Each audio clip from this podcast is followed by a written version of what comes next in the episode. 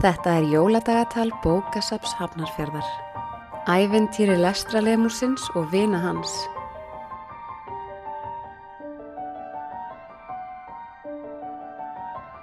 Þetta var magnað. Getum við núna fengið okkur að borða? Já, endilega. Mér líka orðið frekar kallt. Í hvað átt eigum við að fara? Tja, göngum ég átt að tónlistinni. Þau standa fyrir utan leikskóla og hlusta á börnin syngja jólalög. Þau syngjum gleði, vináttu, kærleik og að deila með sér. Þau syngja um að vera heima, hjálpa öðrum og að mun eftir því sem skiptir í raun og veru máli.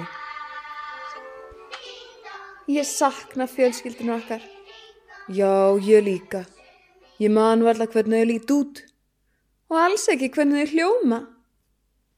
Það er skelvilegt að vera slitinn svona frá fjölskyldinu sinni og settur á allt annan stað.